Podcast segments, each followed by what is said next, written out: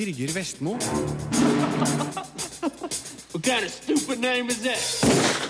Gerard Butler leker Die Hard i Det hvite hus i Olympus Has Fallen. Ingrid Bolse Verdal skal spille mot Dwayne The Rock Johnson i Hercules. Vi vet mer om Grand Theft Auto 5 enn det vi gjorde i går. Pelle politibil på sporet viser at norsk animasjon er i stadig fremgang, og regissørene Rasmus A. Sivertsen og Rune Spons kommer på besøk. Dette er noe av det som venter deg i dagens utgave av Filmpolitiet, der det òg blir filmnytt om blant annet Steven Spielberg, Justin Timberlake og Jurassic Park 4.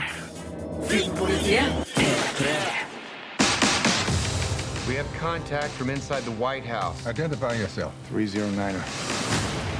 Jesus, Banning? Actionthrillere fungerer best når mye står på spill. I Olympus Has Fallen kun risikoen knapt vært større når terrorister invaderer Det hvite hus og holder presidenten fanga i hans egen bunker. Det her er åpenbart et forsøk på å lage Die Hard i Det hvite hus. Det er kanskje ikke særlig originalt å beskrive det slik, men så er det heller ikke særlig originalt å lage film etter Die Hard-oppskrift. Heldigvis spiller dyktige Gerard Butler en tidligere Secret Service-agent som forsøker å ordne opp i en særdeles tøff film med svært mange brutale drap.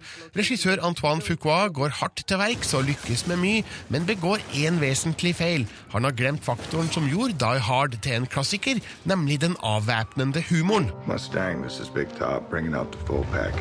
Filmen åpner med å vise det gode forholdet mellom Secret Service-agenten Banning, spilt av Gerard Butler, og presidenten, spilt av Aaron Eckhart, og hvordan Banning blir forflytta mot sin vilje etter en ulykke. Men når nordkoreanske terrorister invaderer Det hvite hus med Secret Service kodenavn Olympus, henger han seg på og er plutselig den eneste vennligsinna på innsida. Han bruker sin kunnskap om bygningen til å forsøke å redde presidenten, samtidig som han må finne ut hva terroristen Kang, spilt av Rick Yoon, egentlig pønsker på. Oh my God. Filmens troverdighetsnivå kan synes å være noe lav. Er det f.eks. mulig for et fiendtlig militærfly å komme seg helt inn til Det hvite hus i Washington og skyte vilt rundt seg uten særlig motstand? Vel, om kapra fly greide å treffe tre bygninger helt uforstyrra på 9-11, inkludert Pentagon, så antar jeg at alt egentlig er mulig. Deretter skildres invasjonen i knallhard detalj.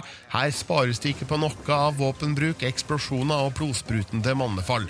Og sjøl om det rent filmatisk er sjokkerende og meddrivende, gjør det meg òg litt nummen og apatisk. Seinere i filmen blir det mye sniking, skyting og tøffe én-mot-én-kamper i ulike fløyer av Det hvite hus, men ingenting som matcher innledninga. We're talking about the safety of the President of the United States. We're talking about a hell of a lot more than that, sir. Gerard Butler er troverdig som farlig filmagent med sin imponerende fysikk, blåkalde øyne og baritonrøst. Jeg tror han virkelig kan hamle opp med et kobbel terrorister på egen hånd. Det eneste han mangler, som jeg allerede har vært inne på, er humor og sjølironi.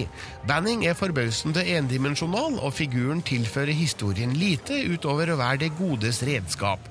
Tankene går ubønnhørlig tilbake til Die Hard, den komplette actionfilmen som all andre må tåle å bli sammenligna med, en prosess de er dømt til å tape.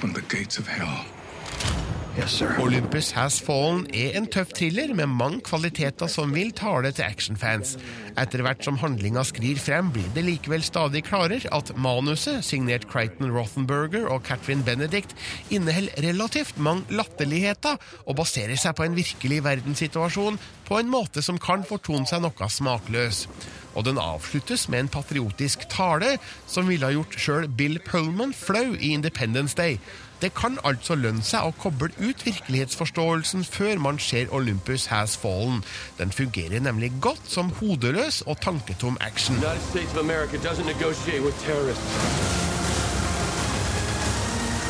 Who said anything about negotiating?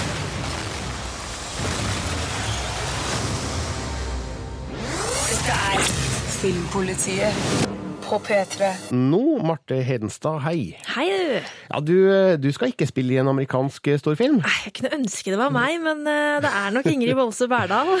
Ja, stjerna fra Fritt vilt og flukt skal altså da spille en stor rolle mot annet Dwayne The Rock Johnson i eh, den kommende storfilmen Hercules. Hva vet vi egentlig om den filmen? Altså, Vi vet jo at det her er en, nok en film basert på en tegneserie. Denne her på tegneserien The Trashian Wars. Eh, og det er jo da en litt sånn annerledes Hercules-historie enn det vi er vant til. Fordi i denne fortellingen her så er ikke Hercules halvgud sønn av Sevs, men han er en eh, leder for en gjeng krigerske leiemordere. Aha. Så det er en litt sånn annen vinkling på hele Hercules- Hercules-eventyret, da. Ja, Vi vet ikke hvilken rolle Ingrid Bolse Berdal skal ha her. Nei, vi har bare, eller det er Variety da, som har meldt at hun da skal spille en av krigerne til Hercules. Så jeg ser for meg at det er en ganske tøff eh, dame hun kommer til å spille. Det er mulig regissør Brett Ratner har sett eh, Berdal i både Fritt vilt og Flukt. Eh, Hun har jo krigerske egenskaper foran kamera, i hvert fall, Ja, hun har kunne jo gjøre seg her. det. Hun har jo blitt en slags actiondronning her til lands, som blir spennende å se om hun klarer å etablere seg som det i Hollywood også. Ja, Vi vet jo fra før at Aksel Hennie òg skal spille i denne filmen. Han har rollen Tydeus, eller Tydeus, Mhm. hvordan det nå enn uttales. Men resten av rollelista er jo ikke mindre imponerende, for å si det sånn. Altså Dwayne The Rock Johnson kjenner vi jo fra Fast and the Furious. eh, Og eh, ja, hva mer har han spilt i? Han har jo spilt i så utrolig mye, men eh, en av mine favoritter er den der komedien hvor han spiller sammen med mm, Vince Vaughn. Husker du hva den heter? Ja, Nå er det sånn totalt jernteppe, men altså, han har spilt i Welcome to the Jungle, Ja. GI Joe Retaliation og Skorpiones konge og mye mer, Mm. så han er jo en av de store actionstjernene i USA. Han er kjent for sin muskuløse kropp og ville blikk. Eh, Du nevnte den komedien med Vince Vaughn. Ja. jeg har mer sjansen for eh, The Rock når han eh, gjør action, altså. Det han er Ja. best på. Han er så morsom i den komedien, da. Han er, Ja. han er kanskje ikke helt typisk for sin rollefigur akkurat i den filmen, men han er veldig artig. Han heter for øvrig ikke The Rock lenger. Han har lagt Nei, av seg seg det gamle navnet. Det, er bare Dwayne Johnson Men det, det høres ikke like tøft ut, så jeg, jeg, kaller han The Rock fortsatt, jeg. Ja. Men ved siden av eh, Dwayne Johnson også John Hurt, Ian Mhm. McShane, Joseph Fiennes, Rufus Sewell. Så det er litt av et stjernelag eh, Bolse Berdal og Henny skal menge seg med her utover året når Hercules The Trashian Wars skal spilles inn. Ja. Eh, vet vi når vi får dette på kino? Det blir neste sommer. 25. juli er planlagt premieredato, men den kan jo forandre seg, da. Heia Norge. Takk skal du ha, Marte Hedenstad.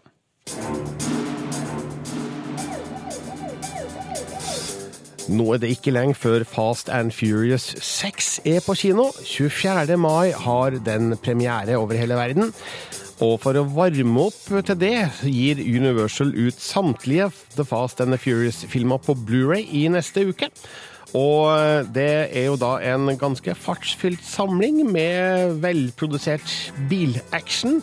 Blant annet da Fast and Furious 5, den foreløpig siste i serien. Eh, Det her, det her er min anmeldelse av den, fra da den var rykende fersk i 2011.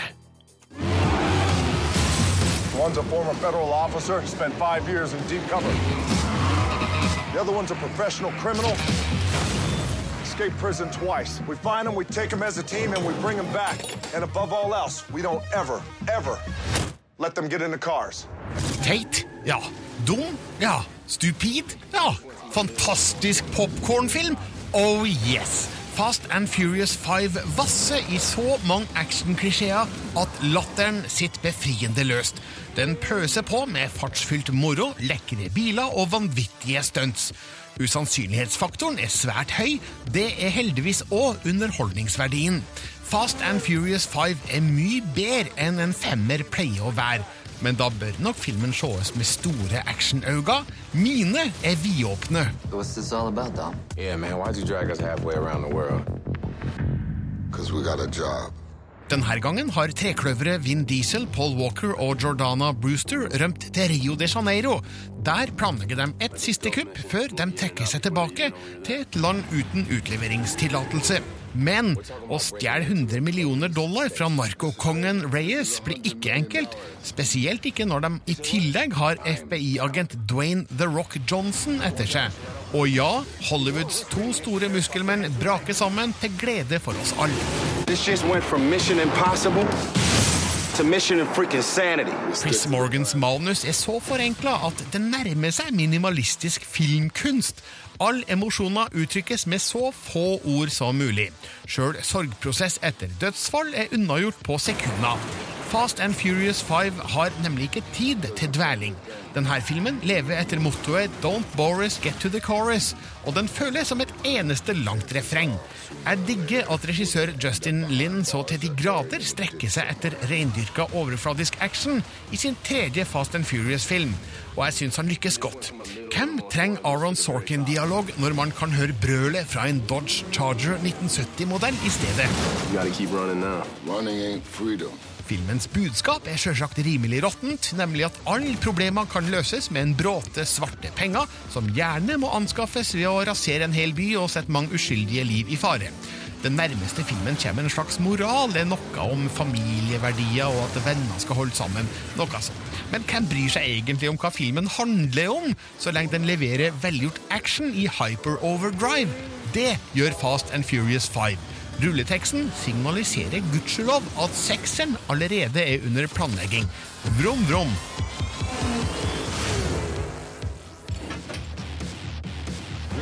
Dette er Filmpolitiet på P3. Sånn hørtes anmeldelsen ut av Fast and Furious 5 i 2011. Og eh, jo da, sekseren den er da på trappene nå. 24. mai har den premiere. Og Fast and Furious 7 er også under planlegging. Den kommer i 2014. Men før det kommer de fem første filmene på Blu-ray i neste uke, altså.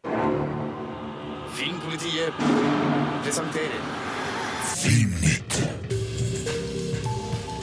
Man 3 er allerede en gigantsuksess for Marvel før dagens USA-premiere.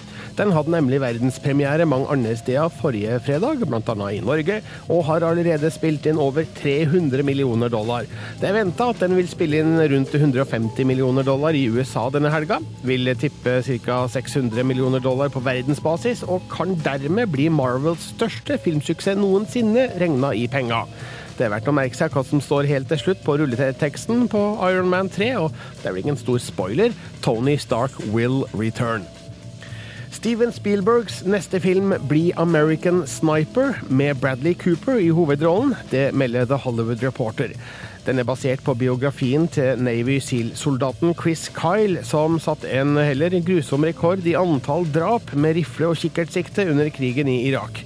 Boka er anerkjent for sitt ærlige portrett av en snikskytters liv. Kyle døde tidligere i år da han ble skutt av en annen krigsveteran på en skytebane i USA. Oh, the irony. David Leans Lawrence of Arabia fra 1962 er et av filmhistoriens største epos. Nå skal samme historie fortelles som storslått TV-serie. Roland Emmerich, mannen bak bl.a. Independence Day, er en av de som skal utvikle serien, som skal fortelle om livet til den britiske offiseren T.E. Lawrence. Han ble kjent som Lawrence of Arabia etter at han under første verdenskrig forsøkte å forene araberne til opprør mot det ottomanske imperiet. Filmen med Peter O'Toole i hovedrollen fikk seks Oscar-priser. TV-serien skal være på totalt seks timer og utvikles av selskapet Fremantle Media International. Så vi får si 'coming to a screen near you'. Men når? Ja, det vet vi ikke. 17. september kommer et av årets mest etterlengta spill, nemlig Grand Theft Auto 5. Og i natt har utvikler Rockstar Games avslørt flere detaljer rundt spillet, Andreas Hatzel Opsvik? Ja, det hadde jo allerede sagt at det kommer til å bli en kjempestor verden, og at vi får eh, tre hovedpersoner, i motsetning til én som i de forrige spillene. Men som du sier, i natt så eh, slapp de da litt mer eh, sånn detaljerte ting om spillet. Ja, og hva er hovedpoengene i det Rockstar nå avslører? Altså, De viser jo f.eks. at de plukker en del ting fra de andre spillene sine. F.eks. Red Dead Redemption, det westernspillet der du eh, må gå rundt i ødemarka. Så dukker det veldig ofte opp sånne tilfeldige oppdrag sånne der du plutselig må redde noen som har blitt angrepet. Og det vil jeg òg ta da inn i, i storbyen da, med i Grand Theft Auto 5. Ja. Og ellers, for de som likte Grand Theft San Andreas, som kom for eh, noen år siden, så vil sikkert folk eh, glede seg over at du i større grad kan eh, modifisere både bilene dine og, og deg sjøl eller spillfigurene dine. Legge til ja, tatoveringer eller nye hårfrisyrer osv. Ja, det høres jo ut som at Rockstar Games her gjør en sånn greatest hits av sine beste spillfunksjoner. Ja, Det er i hvert fall det de lover. da. De lover veldig mye frihet, og de lover at du, du skal kunne gjøre det du har lyst til. De går faktisk såpass at du kan gjøre yoga hvis du har lyst til det. Eh, Det blir kanskje en, en heller mindre del av spillet, men hvis det er din greie, så skal det være mulig å, å gjøre yoga eller spille golf. Ja. Nå har jo ikke vi sett dette spillet enda, så det er jo vanskelig å spå hvordan dette tar seg ut i, i virkeligheten. Men eh, tre hovedfigurer, en, en verden som sies å være fem ganger større enn den i Red Dead Redemption. Eh, kan et spill bli for stort? Ja, det kan det godt være, men en får jo håpe at de plukker med element så, som eh, der f.eks. de taxiene var i, i Grand Theft Auto 4, sånn at du i hvert fall kan komme deg fort til et sted hvis du vil. Eh, Men det er klart det kan bli nesten litt for stort òg. Men uh, det, det er jo mye å boltre seg i, da. Og det, Den rike verden er jo nettopp det som Rockstar og, og Grand Theft Auto har vært flinke på, så en får jo tro at det, det ikke er mindre detaljer å leke seg med her. Og det blir spennende å se hvordan de løser det historiemessige her, med tre forskjellige figurer som vi da skal spille i ulike deler av spillet. Ja, for det er tre ganske forskjellige figurer. Du har en, en rik ekskriminell og en litt sånn adrenalin-junkie eh, gjengmedlem, og en eh, sånn redneck som bare liker å slå ned folk. Eh, Så jeg tror det, det kan bli veldig varierende òg. Der sjøl sammenligner det med at det blir litt som en TV-serie med flere hovedpersoner, i stedet for å følge én Nå, eh, fast. nå er det jo en ting som er interessant i år, da, det er at det kommer jo nye konsoller. Både Xbox og PlayStation skal ut med neste generasjon. Hvilke konsoller skal Grand Theft Auto 5 ut på? De ulike medier som har eh, testa spillet, i hvert fall en, en, en liten del av det så langt, sier at de har testa det på PlayStation 3. Altså det, Den er ikke planlagt. Har, eh, Rockstar har ikke bekrefta at den skal komme til PlayStation 4 og eventuelt da den neste Xboxen, hva enn den nå kommer til å hente. Så det blir nok i hvert fall for PlayStation 3 og for eh, Xbox 360, men da ikke for PC heller, faktisk. Les mer om Grand Theft Auto 5 på p3.no filmpolitiet. Der kan du også kommentere og komme med dine forhåpninger til et av årets mest etterlengta spill.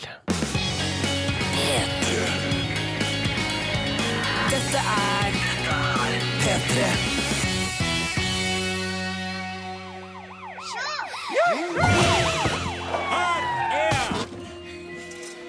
Det må jeg si, Pelle. På tide.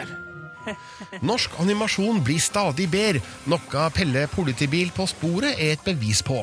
Den tekniske kvaliteten er god, noe jeg spesielt ser på hår, vann, billakk og løvverk. Regissørene Rasmus A. Sivertsen og Rune Spåns er òg flinke til å fortelle en historie mynta på de minste barna, uten at det blir kjedelig for eldre seere. Det her er kanskje søtt og ufarlig, men òg ganske morsomt og spennende, med et politisk korrekt miljøbudskap i bunn. Tre- til femåringene vil like det her. Herved har jeg æren av å åpne Ørneparken. Denne gangen oppdager Pelle politibil at noe skummelt er på gang i den nyåpna Ørneparken. Flere av dyrene forsvinner, og sammen med Oda Oter starter han en etterforskning som vanskeliggjøres når hans politikolleger blir betatt av de to kvinnelige mistenkte. Dessuten må de ta vare på ørneungen Pjusken, for uten ørna må Ørneparken stenges. Det har nemlig kronprinsessa sagt. Ser du noe? Et egg.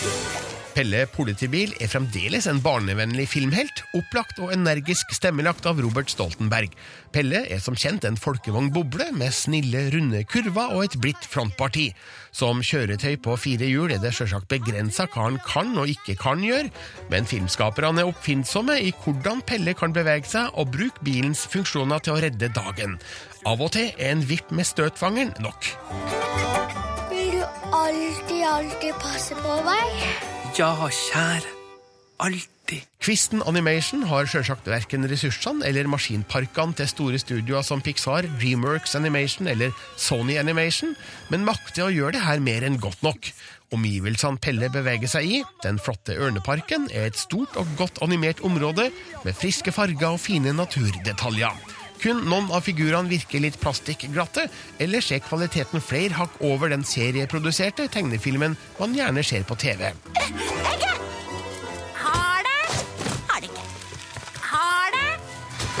Pelle politibil på sporet pleier kanskje ikke ny mark, men er en solid spenningsfilm for smattinga. Den har nok ikke så mye å tilby de voksne som følger ungene på kino, men den har noen elementer av humor som voksenverden kan relatere seg til. Mye av det her kommer fra dialogen og gode stemmer fra bl.a. Robert Stoltenberg, Pernille Sørensen, Hege Skøyen og Bjørn Sundquist. Og animasjonen holder høyt nok nivå til at filmen er pen å se på. Pjusken! Hva kommer han politimesteren til å si? Dette er Filmpolitiet på P3. Rasmus Sivertsen og Rune Spans, velkommen. Takk for det. Takk for det. Jeg beit meg merke i at jeg, jeg har kalt filmen deres for eh, Pelle politibil. Eh, jeg tror jeg er litt sånn skadd etter Pelle Parafin, at det er der det henger igjen, altså. Men det er Pelle politibil på sporet. Ja. Ja. Rasmus, du har jo laga film før. før. -hmm. Den forrige Pelle politibil går i vannet, og Kurt blir grusom. Eh, Da har du regissert alene. Nå gjør du det sammen med noen. Hvorfor det? Eh, Jeg var så heldig å få eh, lage to filmer parallelt. Eh, Pelle politibil på sporet og Jul i Flåklypa. Så da eh, trengte jeg litt eh, forsterkninger. Og eh, jeg hadde nettopp hatt en kjempegod erfaring eh, med Rune Spans på en reklamefilm for Stratos, den dansende blå Stratos-kua, der vi hadde jobba sammen. Oh, yeah. Eh, Så vi, eh, så vi tok en kontakt med han, og var veldig fornøyd med det. Ja, du, du har ikke regissert spillefilm før, Rune? Nei, jeg har ikke det. Jeg har gjort litt reklamefilm, og så holder jeg akkurat på med en kortfilm nå. Men vi har jo også i flere år sammen eh, vært eh, aktuell på regi for en eh, spillefilm som kommer om et par år, som vi har jobba ganske lenge med, med å få fram, nemlig 'Knutsen og Ludvigsen'. Den har, jeg tror det er ganske mye av det eh, samarbeidet der som førte at vi nå jobber i lag på den her. Jeg har veldig lyst til å snakke om Knutsen og Ludvigsen litt etterpå. etterpå. Men når det gjaldt Pelle politibil, altså, hvem gjorde hva? Det, vi var vel et slags tohoda monster der. Eh, til, eh, som, eh, til, eh, til kanskje noen av animatørene sin frustrasjon, fordi det, det eh, Vi gjorde litt av alt, og, og gikk, tok det som en slags stafett. Når jeg var sliten av å klippe litt av filmen, så tok Rasmus over og klippet videre. Vi, eh, vi gjorde egentlig mm. begge to akkurat omtrent det samme. Mm. Instruert skuespillerne og animatørene og eh, Ja. Mm. Et er- grusomt tohoda monster. Det er såpass mye avgjørelser i en sånn film. Masse masse små avgjørelser hele tiden. Så det, det kan være fint å være to av og til. Ja, veldig fint. Det er jo ikke uvanlig når vi ser amerikanske animasjonsfilmer at man har to regissører. Er det litt sånn påkrevd pga. arbeidsmengden som er involvert? Ja, det er, det er litt sånn, altså, det, er, det er såpass mye. altså det, Hver minste lille bevegelse skal godkjennes og diskuteres. Og så for min del da, så må jeg si at det har vært utrolig fint å ha med en til, rett og slett bare for å ha noen å spare med, diskutere, krangle. Eh, litt motstand, og det tror jeg virkelig det har, hjulpet. Det Ja, jeg tror vi har fulgt ut hverandre ganske bra òg, for vi har, vi har eh, forskjellige eh, Rasmus er veldig glad i veldig dynamisk, actionfylt animasjon. Jeg, jeg er litt treg av meg. Så på en måte har vi, har vi, har vi kunnet uh, gjort at filmen har blitt litt rikere, håper jeg. Men når to skal regissere én film, blir det mye gnisninger og motstridende meninger og krangling og sånn? Det har vært overraskende lite av det. Det har vært fruktbare fruktbare diskusjoner, kan vi si. Ja, det, har, eh, det har gått ganske Ja. fort i svingene òg. Ja. Det, har, det, det har nesten ikke vært tid til å være så Vær så sint. Ja. Det, var, det har vært en, en, en ganske kort og intens prosess for å Mm. få den ferdig. Så det, det, vi har måttet fort bli enige i så fall, og, og komme oss i gang med jobben. Mm. Og dere skal jo jobbe mer sammen, så det ga åpenbart eh, mersmak, Rasmus. Absolutt. Eh, Rune, hva trengs egentlig for å kunne lage en animasjonsfilm i Norge? Og det spør om er jo egentlig, hva slags ressurser har dere hatt til rådighet her? Det har, eh, det har vært et, et, eh, må jeg si, et, vel, et overraskende lite, lite team. Når jeg kom på filmen og, høre, og fikk høre budsjettet og mengden folk som skulle jobbe med det, så ble jeg litt eh, engstelig, for å si det mildt.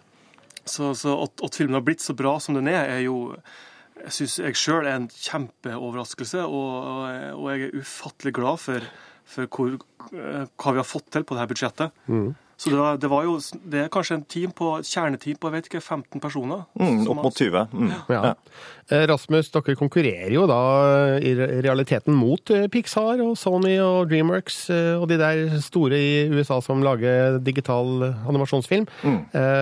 Men eh, altså, hvordan, hvordan er denne produksjonen i forhold til de? Altså, hva er størrelsesforholdet her? Ja, Hva er størrelsesforholdet? 1 til 20, hvis du snakker om budsjett. Vi har 16 millioner til rådighet, og de har oppunder milliarden, ikke sant. Så det er jo Det må man egentlig bare slutte å tenke på. Eh, Og så må man tenke på at det er eh, karakteren og historiefortellingen som, som er det viktigste i bunn og grunn, da. Mm. Men, men, men hvordan har dere fått filmen til å se så bra ut med så lite ressurser? Det er mange, mange ting som har ført til det. Det, er, det ene er at det er fordelen med å lage en, en oppfølger, at man kan bygge på det som er gjort fra forrige film. Så vi hadde jo Pelle lå der fra før, og Rikard og politimesteren. Vi kunne bare eh, jobbe videre med å forbedre dem.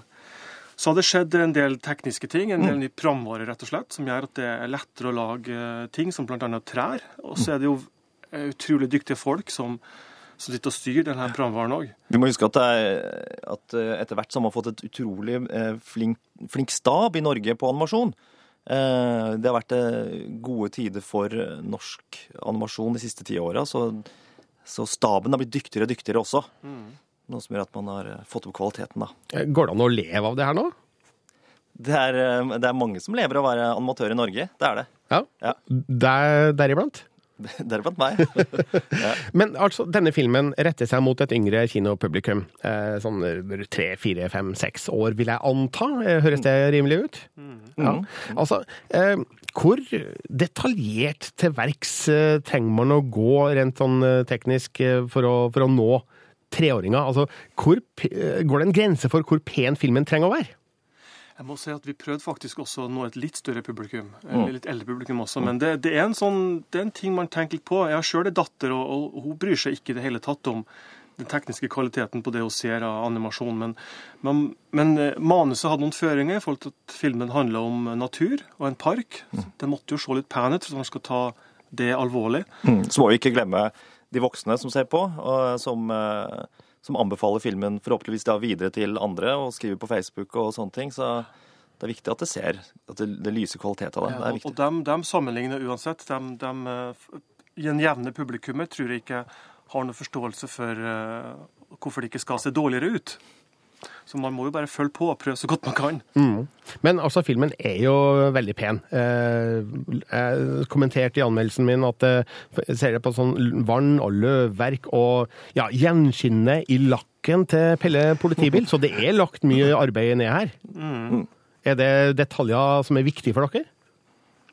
Det blir jo på en måte, Historien også blir på en måte viktigere og ektere jo mer detaljer det er i, Ja, det har i litt med, bakgrunnen. det har litt med troverd, eller eh, innlevelse også å gjøre. Hvis ting ser litt, litt eh, mer realistisk ut, så tror jeg også man eh, går lenger inn i universet og tror mer på det som skjer i filmen. Eh, Mm. Så det, jeg, jeg syns det var veldig viktig å få, å få opp eh, looken på den. Eh, Men nå har jeg snakka veldig mye om det tekniske ved filmen, og nesten ikke nevnt historien. Eller hvis jeg har ikke nevnt historien. Eh, For enhver film, også en animert film, starter med en god historie, ikke sant? Eh, Hvordan starta dere med det? Eh, historien. Den Ja. er eh, skrevet av eh, Arthur Johansen. Han har, eh, han, har- henta mye fra eget liv til denne, eh, denne filmen. Eh, Han har selv adoptert barn og, og skrevet om sine erfaringer inn i, i Pelle-filmen, da, når Pelle da adopterer denne lille ørnungen i, i filmen. Mm. Så Og ved, siden, og ved siden av å være et actionfylt eh, eventyr for, for barn, så, så er det også noe budskap i barn her. absolutt. Ja, hva vil dere si er liksom eh, filmens budskap? ta vare på ting. Ta vare på alt det man har rundt seg. Venner og, og alt det fine man, man kommer over.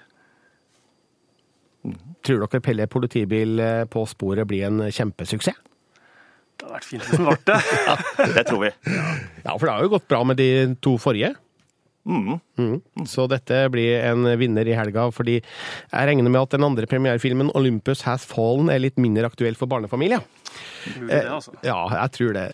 Og Rasmus, du var innpå det tidligere. Du har jo faktisk vært i produksjon med to filmer samtidig. Altså denne og eh, Solan og Ludvig 'Jul i Flåklypa'. Er du overarbeida? Det har vært det hektiske to år, altså. Ja. Virkelig.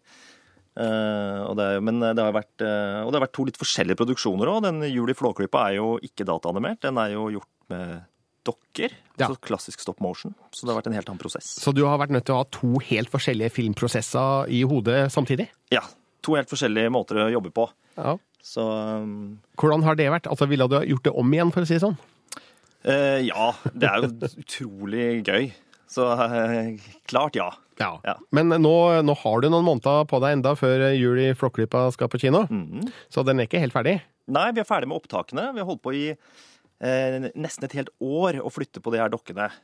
Eh, animatørene lager ca. tre sekunder animasjon om dagen.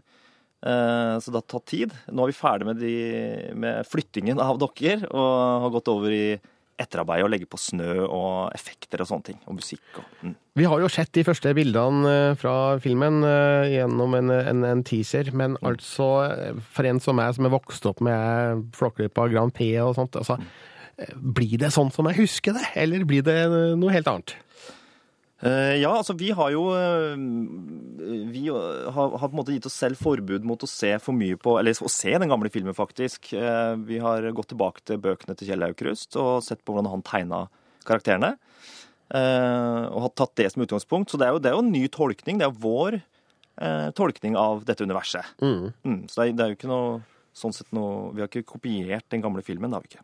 Ja, men Det blir spennende å se. Eh, Forrige fredag så eh, fikk du penger fra Norsk Filminstitutt til enda en Flåklypa-film. Mm. Hva, hva slags eventyr blir det? Ja, det blir, det blir eh, Det er ikke en julehistorie. Det er um, historien om et eh, slags løp. eh, Der det handler om å komme først fra et sted til et annet sted. Et eh, slags osteløp. Eh, Så det blir en eh, litt annen historie enn denne julefortellingen. Mye, mye mer fart og bevegelse i den. Ja, Når du sier Flåklypa og løp, da tenker jeg selvfølgelig på ja, du vet, Il Tempo Gigante, men det, Ja. det er ikke et sånt løp. Det er ikke, et sånt, det er ikke et billøp, det er mer, du kan kalle det et slags terrengløp. Eh, Der man må komme seg fram over terrenget ved hjelp av diverse farkoster. Eh, ikke bil. Og samme dag som du fikk finansiell støtte til en ny Flåklypa-film, så fikk du òg støtte til en, en annen film sammen med Rune Spans. Rune, hva slags film er det? Det er da Knutsen og Ludvigsen. Som er et prosjekt som, eh, som vi har holdt på med i mange år, og som jeg har drømt personlig om siden jeg begynte å gjøre animasjon. Som nå endelig skal, skal bli film. Med manus av selveste Øystein Dolmen. Selveste Øystein Dolmen. Men hva slags film vil det bli?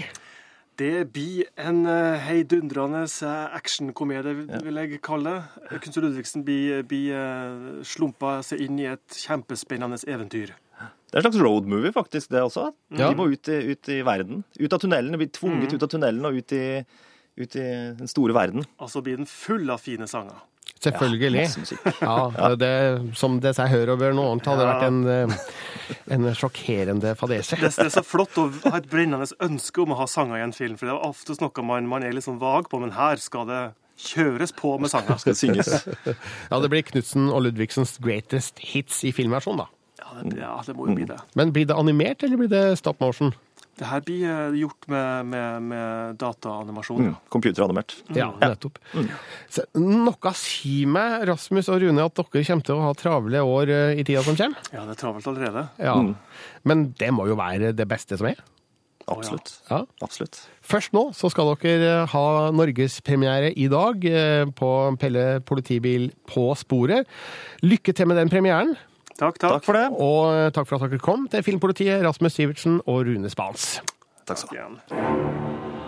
Filmpolitiet presenterer Justin Timberlake skal spille musikklegenden Neil Bogart i filmen om hans liv og karriere. 'Spinning Gold' skal filmen hete. Og nå spør du deg kanskje hvem er Neil Bogart? Vel, han grunnla plateselskapet Casablanca på 1970-tallet. og fikk frem stjerner der som Bill Withers, Donna Summer, Curtis Mayfield, Village People og ikke minst Kiss. Bogart døde dessverre bare 39 år gammel, men rakk å produsere en sønn. Og det er han, Timothy Scott Bogart, som skal skrive manuset til filmen, som produseres av bl.a. Matt Damon. Hvem som skal regissere er ikke klart, men innspillinga tar til tidlig neste år. Jurassic Park 4 tar kanskje handlinga tilbake til Isla Nublar, øya fra den første filmen. Regissør Colin Trevorrow har i hvert fall titra etter bildet merka Nublar og JP4 Scout, som indikerer at han leter etter innspillingssteder som skal forestille Isla Nublar.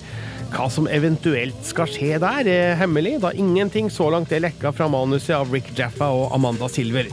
Innspillinga starter om ikke lenge, og filmen skal komme på kino neste sommer. Regissøren av Barnepiken, Tate Taylor, har et helt annet prosjekt på gang. Han har nemlig sikra seg rettighetene til Stephen Kings neste bok, Joyland, som kommer ut i juni. Den tar oss tilbake til 1973 og en fornøyelsespark i Nord-Carolina, der unge Davin Jones får sommerjobb. Han oppdager arven etter en morder, et døende barns skjebne, og hvordan begge vil forandre livet hans for alltid, slik det beskrives på amazon.com. Så boka kommer i juni, og så da får vi se om Tate Taylor etter hvert gjør en film av Joyland. Det er ingen tvil om at den aller største filmen på kino i Norge og resten av verden for tida er Iron Man 3. I dag har den også USA-premiere, så velkommen etter USA. Her skal du nok en gang få høre hva min dom over Iron Man 3 er. I'm Tony Stark. I build neat stuff. I got a great girl. And occasionally, save the world. So why can't I sleep? Den tredje Iron Man-filmen gjør ingen skam på verken de to foregående eller de andre filmene i Marvels Avengers-univers. Med ny regissør, Shane Black, virker det òg som at serien har fått en ny giv. Det her er nemlig rasende god underholdning, med akkurat den miksen av effekttung action og Robert Downey jr.-humor som har vært seriens store styrke. Noen av historiens enkelte bestanddeler tåler kanskje ikke nærmere ettertanke, men det er ikke derfor slike filmer fins. Frem med popkornet, folkens! Tony Stark, spilt av Downey jr., forsøker å komme seg etter strabasene med The Avengers i New York, men så erter han på seg terroristen Mandarin, spilt av Ben Kingsley, som truer Amerika. Pepper Potts, spilt av Gwyneth Paltrow, avslår et businessforslag fra Aldrich Killian, spilt av Guy Pearce, som lefler med farlig teknologi. Så blir paret overrumpla av et angrep. Stark befinner seg plutselig langt hjemmefra, uten utstyret han trenger for å bekjempe sine nye fiender. Og ja, det er en kobling mellom Mandarin og Killian. Today Det her er akkurat den treeren jeg hadde håpa og forventa den skulle være. Den byr på eksplosiv action, harde rustningskamper og halsbrekkende effektscener. Samtidig plages Stark av angstanfall, utløst av presset han har vært under, og samlivet med Pepper vanskeliggjøres stadig av hans offentlige dobbeltliv. Det er som vanlig mye som foregår, men Drew Pearce og Shane Blacks manus er dyktig konstruert og gjør hele historien oversiktlig. Filmen flyter tilsynelatende uanstrengt mellom flere figurer og historier. Samtidig blir det her som vanlig et mye kulere eventyr takket være treffende humor, godt skrevet av regissøren sjøl. Han er jo en av actionhumorens viktigste opphavsmenn etter sine manus for Dødelig våpen-filmene på 1980-tallet og Den siste speider i 1991. Han gjorde òg en overbevisende regidebut med Kiss Kiss Bang Bang i 2005, også med Downey jr. i hovedrollen, men har ikke regissert siden, og jeg hadde ikke forventa at han skulle ha et såpass solid grep rundt en stor effektproduksjon som sin andre film. Her brukes effekter til å fortelle historien, det er ikke historien som brukes til å vise effekter. We do need backup. That's your department. Men noe kan plukkes på. Tony Stark viser seg å ha noen triks på lur som er ganske stilige og effektive. Problemet er at han åpenbart kunne tatt dem i bruk når som helst. Man kan spørre seg hvorfor han ikke gjør det med en gang. Det ville gjort hele situasjonen mye enklere, men òg ført til at Iron Man 3 hadde vært en kortfilm. Og jeg kjenner at jeg egentlig ikke bryr meg fryktelig mye om slike hull i manuset. Det her er ikke en film som skal analyseres, den skal konsumeres. Og Iron Man 3 er et helstøpt eventyr som ikke skuffer. Den underholder meg stort, og jeg er imponert over at Marvel nok en gang evner å levere varer. Dette er Filmpolitiet på P3. Over 150 000 nordmenn har sett Iron Man 3 så langt, og flere blir det denne helga, sjøl med konkurranse av premierefilmene Olympus Has Fallen og Pelle politibil på sporet. All anmeldes på p3.no skråstrek filmpolitiet. Jeg heter Birger Vestmo og takker av Dette er Filmpolitiet med Birger Vestmo. Du hører nå en podkast fra NRK P3. Hent flere podkaster fra NRK på nettsiden nrk.no podkast. NRK P3.